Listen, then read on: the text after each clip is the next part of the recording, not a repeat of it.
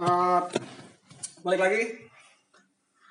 Uh, gue mau bahas sesuatu yang mengenai proses berpikir tentang cara pengambilan keputusan. gue jadi ingat uh, bukunya Redalio yang prinsipal.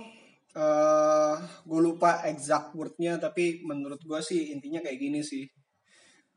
Uh, akan jauh lebih baik kalau lu ngambil keputusan dengan cepat dan kurang akurat dibanding keputusannya lambat tapi akurat gitu. Sorry, akurat tapi lambat. Ya, sama aja lah. Jadi di sini yang mau dibahas itu adalah kenapa sih ada banyak banget orang kalau misalkan di dunia pasar modal sendiri sih jadi yang dia bisa ngambil keputusan kayak ngelihat kayak oke okay, gue suka perusahaan ini atau gue gak suka perusahaan ini gitu. Uh, perusahaan ini kelihatannya murah uh, atau enggak gitu itu langsung ketahuan dalam waktu ya mungkin nggak lama lah. Sekian belas sekian menit atau sekian detik langsung dia tahu bahwa oke okay, gue tahu ini perusahaannya uh, perusahaan ini layak untuk uh, gue tindak lanjuti atau enggak. Jadi uh, gini sih. Di kehidupan nyata sebenarnya in the real life sebenarnya uh, keputusan yang di, mesti diambil yang mesti akurat itu sebenarnya nggak penting-penting amat gitu.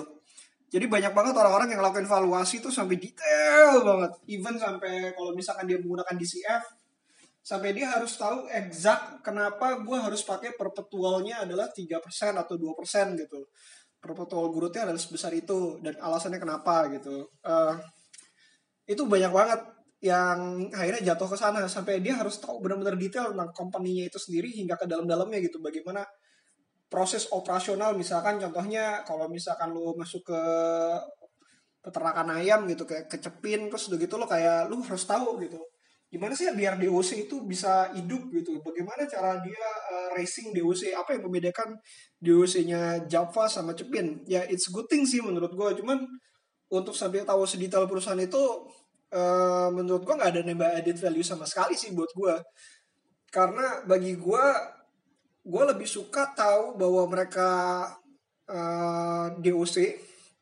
uh, dia punya peternakan eh sorry bukan punya peternakan eh punya peternakan untuk racing DOC dan DOC tersebut nanti dijual di DOC itu DO kecil jadi MM kecil yang akhirnya dijual untuk ke peternak untuk dikembangbiakan lagi. Uh, untuk mensupport bisnis utamanya itu adalah jualan pakan ayam. Ya 80 sampai 90 persen jualan pakan ayam. Nah gue nyebutin 80 sampai 90 persen. Sebenarnya range itu gede banget gitu kan 10 persen lebih gitu. Tapi uh, kenapa gue melakukan hal tersebut? Karena gue nggak gue nggak terlalu into detail dengan cepinnya itu sendiri. Dan menurut gue uh, ang, roughly angka 89 persen itu sudah cukup menggambarkan bahwa perusahaan ini tuh sebenarnya bukan perusahaan untuk pengembang ayam gitu. Tapi ini adalah uh, perusahaan untuk uh, pakan ayam gitu. Even kalau misalnya kenyataannya pun nanti misalnya ternyata 90% ternyata pakan ayam, bukan 80 uh, bukan 81 sampai 90 gitu. Aku 95 atau mungkin 75 persennya doang.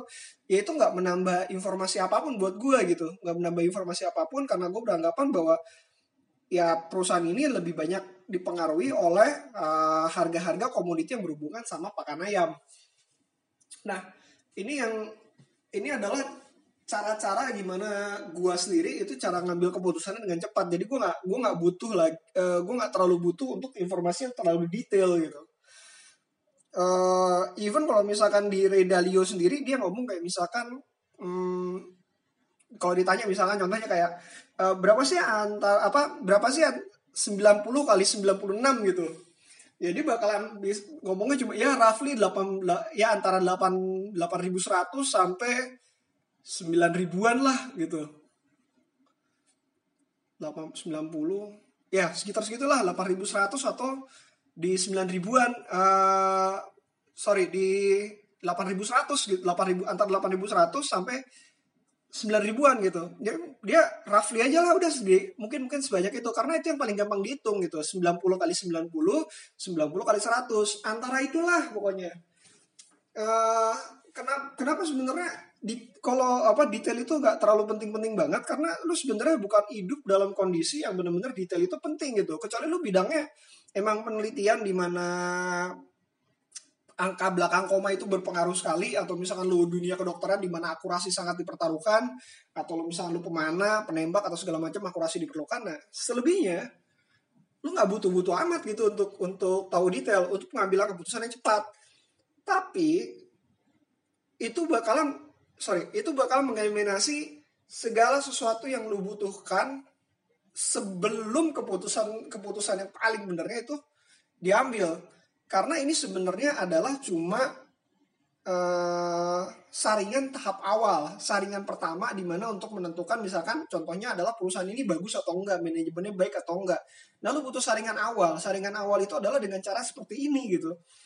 Jadi roughly masuk, angkanya oke, okay, ya udah baru dig down, dig, dig deeper. Jadi makanya itu gue kebanyakan berbeda dengan yang kondisinya orang-orang di uh, market. Banyak banget uh, kalau misalnya market itu sebenarnya mulainya dari top down. Jadi makro dulu terus ke mikroekonomi mikroekonomi terus dari gitu ke industri dari industri harus ke perusahaan.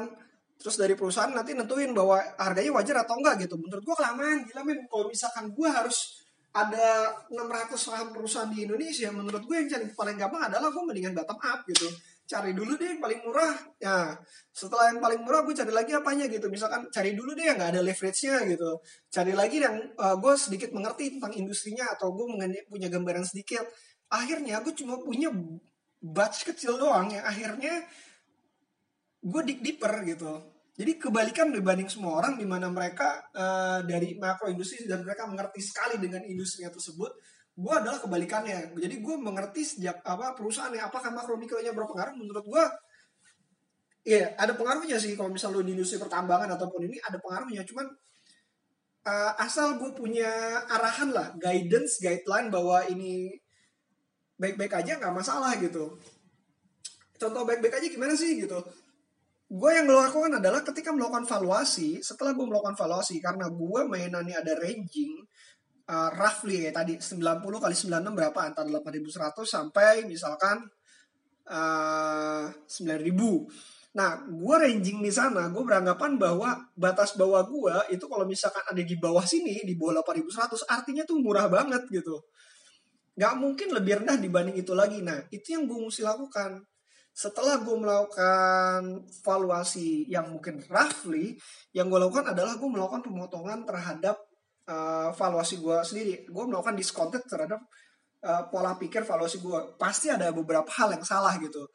Uh, kalau misalkan lu nggak tahu cara berhitung berarti antara 90 kali 96 uh, lu nggak tahu cara berhitung berarti mungkin aja lu bakalan uh, beranggapan bahwa ah mungkin ada aja sih yang di bawah 8000 gitu angka-angka di bawah 8000 ya mungkin aja mungkin aja. Cuman karena kemungkinan-kemungkinan gue ada salah ngitung dan segala macam akhirnya gue discounted dari itu sendiri. Nah apa pun yang tersisa dari itu uh, itu adalah gue nyebutnya adalah uh, murni atau core core dari uh, perusahaan yang bawa harga perusahaan core yang menandakan bahwa dia benar-benar murah atau enggak gitu. Setelah gue diskon dari semuanya apa yang tersisa di situ itulah yang gue akan ambil gitu itu itu intinya di sana nah uh, sama halnya ketika gue melakukan valuasi ke dalam uh, penjualan gitu. Kalau misalnya gue melakukan penjualan, gue adalah roughly gue tahu angkanya mungkin berapa gitu. Nah dari situ gue mulailah uh, mengkalkulasikan apakah ini benar-benar layak untuk ditambah uh, koleksi lagi atau mungkin enough enough sampai di sini atau mungkin nanti gue jual pada harga-harga tertentu. Nah tapi gue yang gue lakukan adalah gue roughly. Gue nggak bisa tahu persis dan gue nggak akan tahu persis juga dan gue nggak peduli apakah gue tahu persis uh, benar-benar itu benar atau enggak.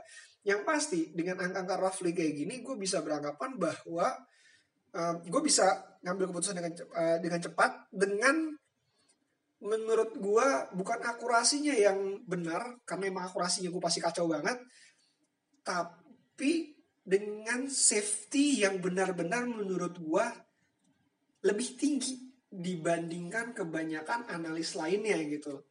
Karena gue mendiskontet terhadap diri gue sendiri. Sedangkan kalau misalnya akuntan mereka mendiskontet terhadap perhitungannya mereka. Perhitungannya mereka mereka anggap tepat mereka uh, seakurasi mungkin ya seakurat seakurat mungkin lalu mereka mendiskontokan uh, sebesar itu gitu. Misalkan jadi mereka cuma ngomongin bahwa range 15% range 10% dari angkanya mereka itu kalau ke atas 10% dianggapnya mahal, ke bawah 10% misalkan dianggapnya murah gitu. Menurut gue itu nggak kurang cukup karena uh, ada faktor-faktor kesalahan hitungan juga ada gitu. Tapi itu yang terjadi di dunia pasar modal saat ini gitu. Uh, di dunia pasar modal. Jadi lu bisa apa? Uh, lu nggak nggak menurut gue sih nggak terlalu penting lah dengan yang namanya detail dan teknisnya itu sendiri gitu lu cukup tahu generalnya aja, tahu lebih dalam sedikit saja untuk mengetahui apa saja yang terjadi, tapi lu nggak perlu tahu hingga ke misalkan uh, manajemen operasional dan segala macamnya karena menurut gua ya manajemennya pasti lebih tahu dibanding lu gitu. Jadi kalau misalkan lu berusaha untuk mendebat manajemen tersebut ya sulit juga karena mereka pasti lebih tahu dibanding itu. Kecuali emang lu punya expertise di bidangnya. Ketika lu punya expertise di bidangnya ya gua nggak tangan. Mungkin emang lu lebih jago dibanding dia gitu. Tapi untuk gue sendiri yang gue sebagai generalis uh, di mana gue tiap kali melihat saham-saham baru sorry maksud gue memvaluasi sebuah saham ketika saham itu murah itu adalah kebanyakan adalah industri baru bagi gue bahkan banyak banget saham yang gue anggap murah itu itu gue beneran baru denger namanya. Dan akhirnya gue harus tahu apa yang terjadi di sana apa yang uh, dalamnya lagi. Tapi kan gue mempelajari lebih sedikit dibanding analis yang akhirnya dia ngomongin makro makro uh, ternyata yang bagus properti properti apa aja nih? Ya gue pelajarin nih semuanya dulu. Nah nggak gitu gue gue lebih mendingan bottom up gitu. Gue cari yang paling murah setelah paling murah terus begitu gue uh, punya batch, batch kecil yang akhirnya gue mesti into detail sama batch kecil ini. Walaupun nanti ada beberapa perhitungan mungkin jauh lebih akurat dibanding tahap awal tapi uh, tetap gue akan melakukan diskon terhadap perhitungan walaupun jauh lebih akurat. Karena menurut gue gue pasti bisa salah dan kesalahan itu bisa di offset dengan cara masukin margin of safety. Nah menurut gue uh, berbeda dengan orang-orang katanya margin of safety itu adalah sebenarnya uh, kebanyakan orang beranggapan margin of safety itu adalah profit yang bakalan mereka terima dari nilai wajar. Tapi menurut gue gue nggak gue nggak ngomong gitu. Margin of safety adalah batas minimal bawah di mana gue beranggapan bahwa gue safe banget terhadap kesalahan perhitungan gue gitu. Jadi di bawah 30% apakah murah? Enggak gue bilang uh, sorry itu rule of thumb kebanyakan katanya di bawah 30% ya lu bagus lah gitu lo ambil aja perusahaan di bawah 30% gue bilang enggak di bawah 30% itu adalah batas minimal awal di mana itu disebut murah gitu. Kalau emang ada yang turun sampai 20 30 uh, sorry 80 sampai 90 persen ya gue bakalan ambil yang itulah. Karena makin gede margin of safety-nya berarti makin besar keuntungan gue makin safe gue makin besar keuntungan untuk gue sendiri. Nah uh, let me know gimana kalian uh, ngambil keputusan yang yang harus diambil dengan cepat. Uh, ini adalah view gue dan menurut gue uh, pengambilan keputusan seperti ini benar-benar membantu gue untuk mengambil keputusan secara cepat sama menurut gue menghemat banyak waktu dan gue bisa dibanding gue mesti mikirin yang, uh, sesuatu hal yang kayak nggak penting-penting amat yang pada akhirnya gue nggak akan gunakan uh, gue akan jauh lebih baik kalau misalnya menggunakan framework berpikir yang seperti ini See you again kalau ada pertanyaan di bayutabusala@gmail.com atau kalau misalkan lu anak Quora lu uh, search aja Bayu Tabusala uh, lu tanya DM langsung ke Quora gue atau lu tulis pertanyaan mungkin gue bisa jawab kalau misalnya gue ada waktu gue mungkin akan jawab. Uh, thanks again see you again next time